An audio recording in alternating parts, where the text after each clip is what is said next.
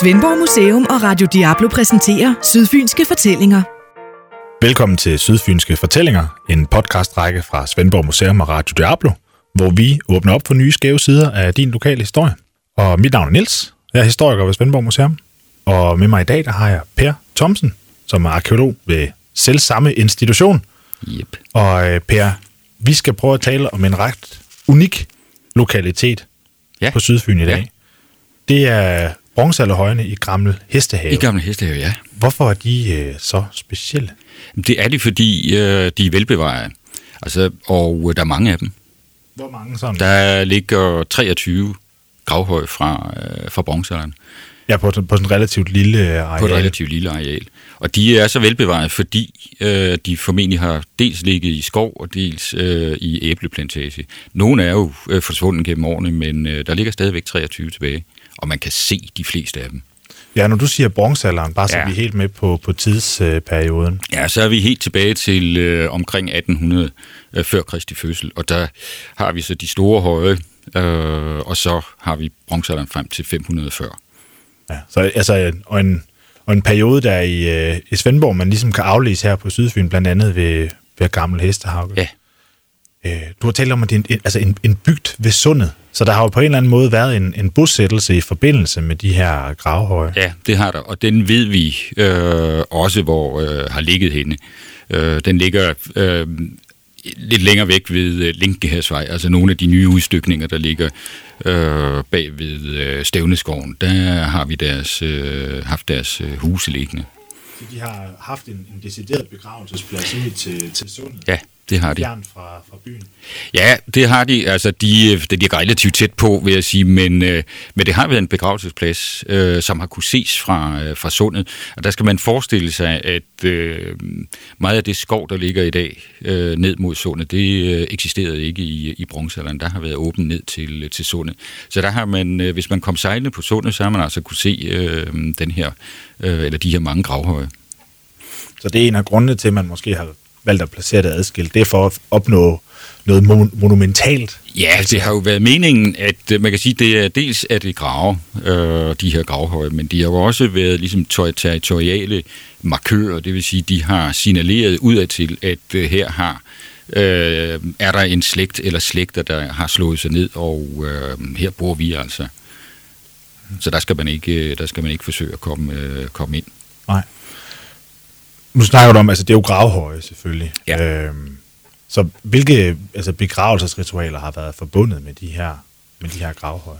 Jamen altså, vi, øh, vi går ud fra, at øh, de, der ligger begravet, er øh, formentlig de ledende i, øh, i bygden. Det, øh, og så har det været, de enkelte øh, gravhøje har fungeret som øh, formentlig som øh, familiegravsteder. Øh, sådan at øh, den enkelte gravhøj indeholder ikke bare én grav, men øh, nu har vi jo ikke gravet i dem, så, øh, så det er jo ikke til at sige, hvor mange grave der så ligger. Men normalt øh, ved vi, at øh, sådan en, en relativt stor gravhøj, som nogle af de her, vi kender ude i Gamle Hestehave, der, der er mere end én grav i. Og det vil sige, der, der man anlægger den første grav, ligger en, øh, en lav høj henover, når den næste i slægten dør og skal begraves, jamen, så lægger man øh, kisten ind og lægger yderligere høj på, indtil, øh, han har sagt, at indtil der ikke er mere, han har sagt, flere der skal ind. Og det der så sker, det er jo, at øh, man ændrer også øh, gravskik undervejs. Så øh, omkring øh, små 1000 før Kristi fødsel, øh, der går man over til øh, librænding.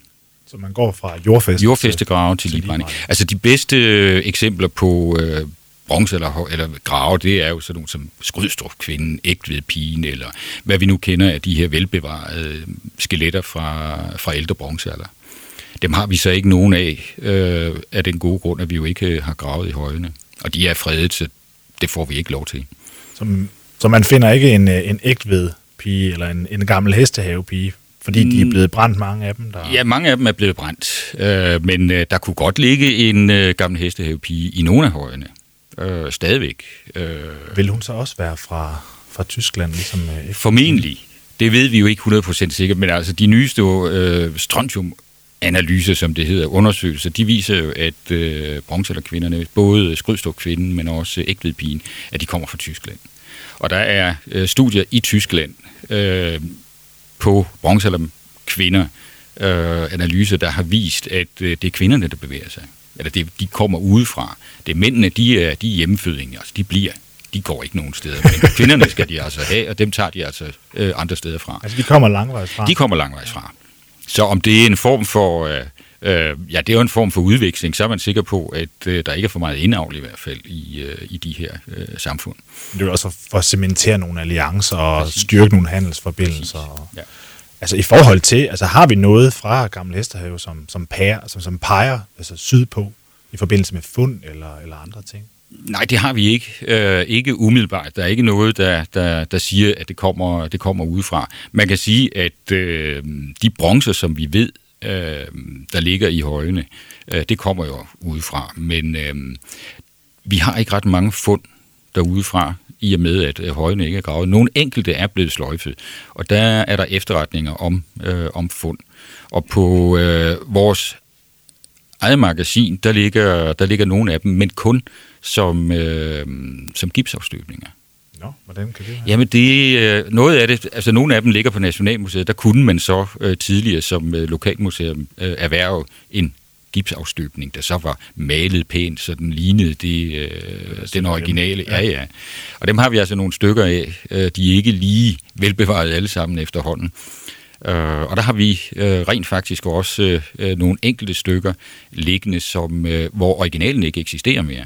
Så vi har gipsafstøbning af øh, blandt andet en øh, bronzeøkse, øh, som er fundet i gamle hestehave, men øh, som ikke eksisterer mere. Den forblev i privat eje. Og så vidt vi kan øh, spore den, så har det noget at gøre med, at den blev, det er jo øh, familien Weber, der, der jo havde øh, æbleplantagerne derude. Og øh, den her økse, den forblev sig i Weber-familiens eje indtil en gang i øh, formentlig 1960'erne. Øh, der kommer vores dronning som tronfølger på privat besøg øh, i Gamle Hestehave, og øh, angiveligt skulle hun så have fået foræret den her øh, bronzeøkse.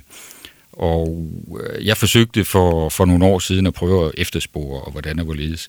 Jeg havde fået at vide, at det var øh, dronningens øh, tidligere hvad hedder det, kammer, pige øh, eller kammerdame, øh, hvad var Amfeldt, øh, som øh, skulle have øh, været mellemmand i den her øh, foræring. Men øh, desværre så nåede hun at dø, øh, jo inden jeg nåede at få taget endelig kontakt, så øh, der fortaber sporene sig.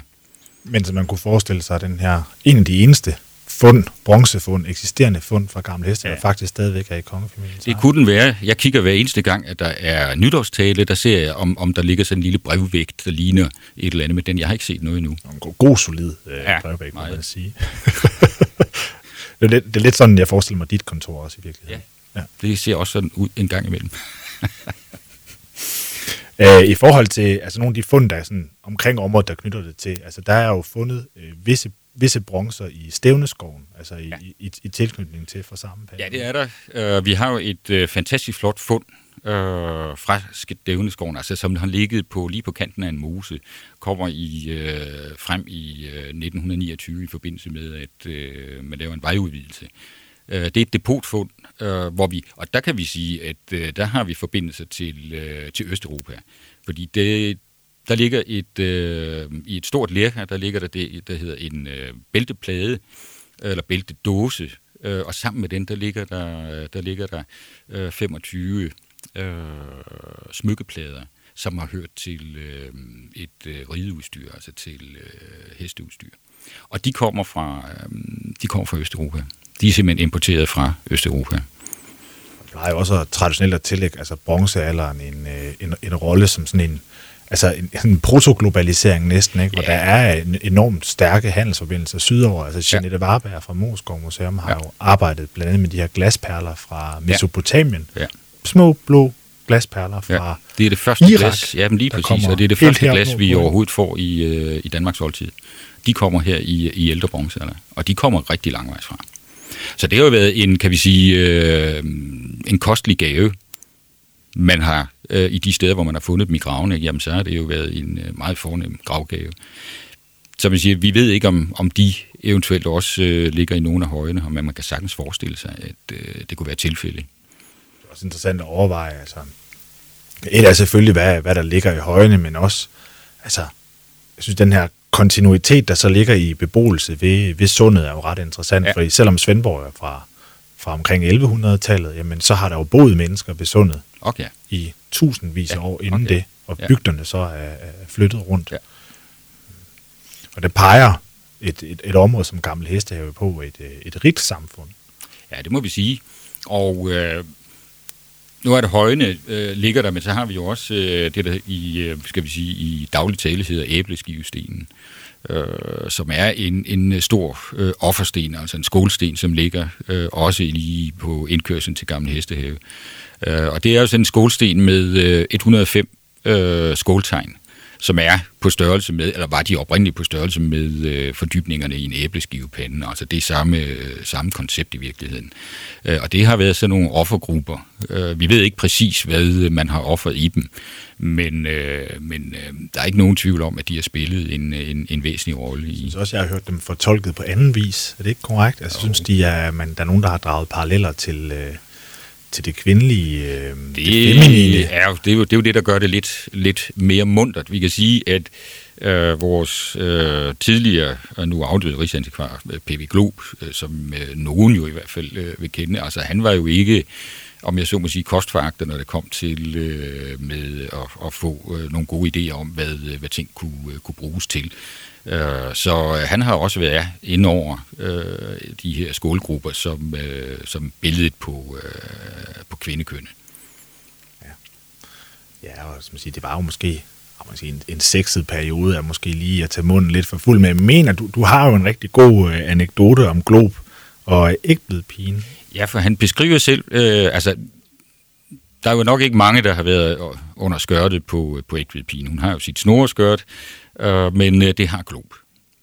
Og øh, han konstaterer sådan meget tørt, at øh, hun har i hvert fald ikke haft trusser på. Bundløst pige. Bundløst pige. Og øh, grunden til, at han kan sige det, det er, at øh, han har faktisk fundet pubeshår, altså kønsbehåring, inde på, på indersiden af det her øh, snoreskørt. Så øh, derfor ved vi, at øh, hun havde altså ikke trusser. Nej, og der, der, og der kom vi til via æbleskivsten. jeg kan godt lide. Men altså under omstændighed her en, en periode, hvor, altså, hvor frugtbarheden jo fylder. Og... Den fylder rigtig meget, og det kan vi se, det kan vi se på hellerisningerne. Nu har vi jo ikke øh, som sådan hellerisninger hernede i, øh, på, øh, på Sydfyn, men øh, vi kender jo altså pløjescenerne med de her stærkt falliske mænd, øh, der går bag ved, øh, ved arten. Altså, så det har spillet en, øh, en væsentlig rolle med øh, med frugtbarhed. I forhold til det her trossystem, jeg har haft, så synes jeg, det er lidt spændende, at du, at du indikerer, at der har været et skift i begravelsesritual, ja. altså fra, fra jordfeste til, til, til ligebrænding. Til ligebrænding. Ja. Hvad kan det skyldes? Vi ved det faktisk ikke, fordi det er et øh, fænomen, vi, øh, vi faktisk også kan se længere tilbage i tid, også både i stenalderen, men også øh, når vi kommer frem i, i jernalderen. Der kommer en lang periode fra øh, her midten af, eller det vi kalder yngre bronzealder, ikke? så op til, øh, faktisk helt op til Kristi fødsel, øh, hvor vi kommer ind i den ældre jernalder, der er det udelukkende øh, ligebrænding. Og så skifter det igen omkring Kristi fødsel, uden at det, har, det har ikke noget med, med det at gøre som sådan, men så kommer vi ind i romersk jernalder, så får vi øh, hvad hedder det, jordfestegraven igen. Og så i en periode der, øh, der får vi faktisk øh, både jordfeste og øh, ligebrænding side om side. Lidt ligesom vi har i dag. Er der noget, altså rent socialt, er der en lavdeling i forhold til hvem, der bruger hvad? Nej, det kan vi ikke se. Øh, ikke umiddelbart. Altså det vi kan se, det er, at man fortsætter de her øh, familiegravsteder, som højene er. Øh, der bliver der så ikke lagt øh, kister ind mere, men der kommer urnerne, dem lægger man ind i, øh, i siden af gravhøjene, så man rent faktisk fortsætter med at bruge gravhøjene som begravelsessteder, men man sætter, man åbner ind i, i øh, gravhøjen, sætter øh, en urne ind og lukker til igen. Det er smart. Altså ja. i forhold til, at du nævnte, at det, det måske er de, altså de ledende ja, de, de medlemmer ledende, af samfundet, ja, der, har, ja, der ligger begravet ja. der. Hvad så med resten? Jamen, det er jo så et, øh, et stort spørgsmål, fordi vi kan jo også, hvis vi tæller øh, antallet af gravhøje, og beregner måske lidt af, hvordan der ser, hvor mange grave der kan ligge, så er det helt klart, at øh, de er ikke begravet i gravhøje alle sammen. Det, det er simpelthen ikke muligt. Så øh, vi støder ind imellem på øh, urnegrave fra bronzealderen, som ligger under det, vi kalder flad mark, altså som, øh, som, som så øh, bare er gravet ned i, øh, i jorden. Øh, men, øh, men hvad der sker med de øvrige, det, det er vanskeligt at, øh, at afgøre. Nu kan man sige, op, ved, øh, hvad siger det, øh, op på Østfyn, der er de jo i gang med at grave en, øh, en gravhøj, hvor der rent faktisk i periferien, eller lige uden for gravhøjen, der ligger en, øh, en række skeletter, øh, velbevaret i øvrigt, øh, men som også er fra samme periode. Og øh, det er faktisk et helt nyt, øh, nyt fænomen, men øh, det er jo sådan noget, man kan, kan overveje, om, om, om det har været øh, et mere generelt træk i bronzealderen. Det, det samfund, som har haft øh, gammel hestehauke som, øh, som begravelsesafsnit, ja. er der nogen sådan, kunne man forestille sig, hvor, hvor, hvor mange mennesker drejer det sig om, der har boet i sådan en bygd ved sundet der? Det er svært at, det er svært at afgøre. Altså, øhm, der kan jo have været, øh, der kan jo have været en, øh, et par hundrede stykker øh, i, selve, i selve bygden.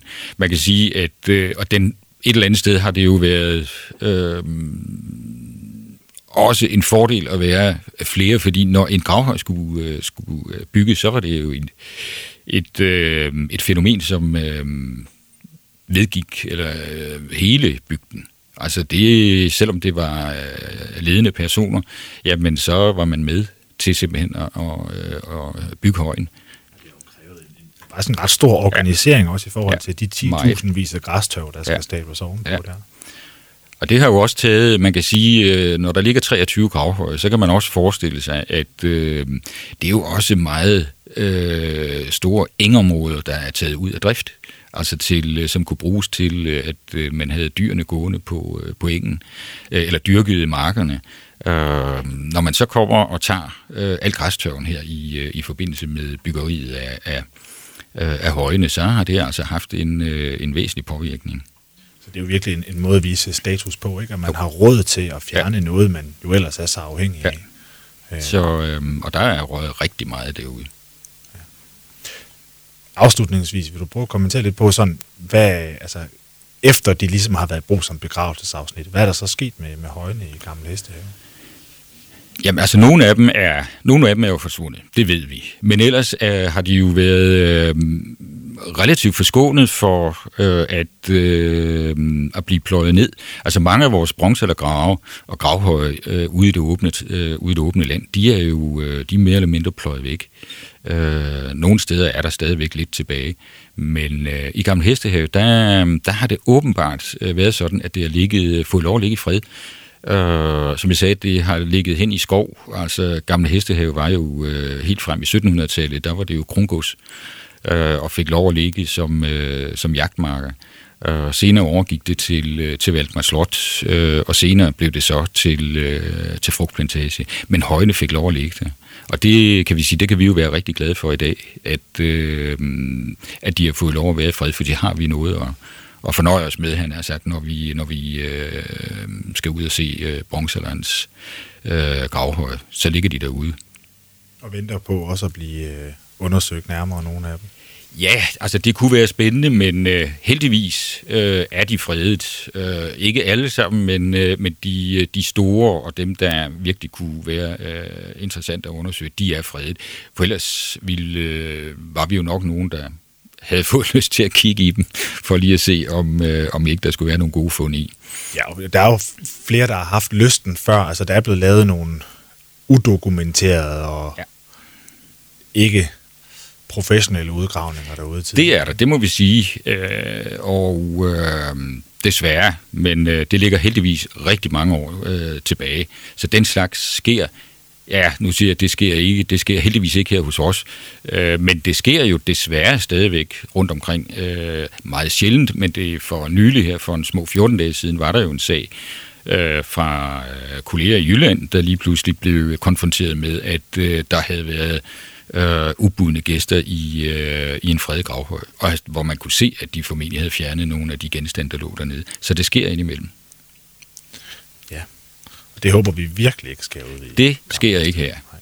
Vi vil gerne selv have lov til at ja. foretage en professionel udgravning af det, ikke? Ja. Men øh, med de historier, Bert jeg kan sige tusind tak for besøget, og især for anekdoten om, øh, om Om ja. manglende. Ja, det er godt. tak.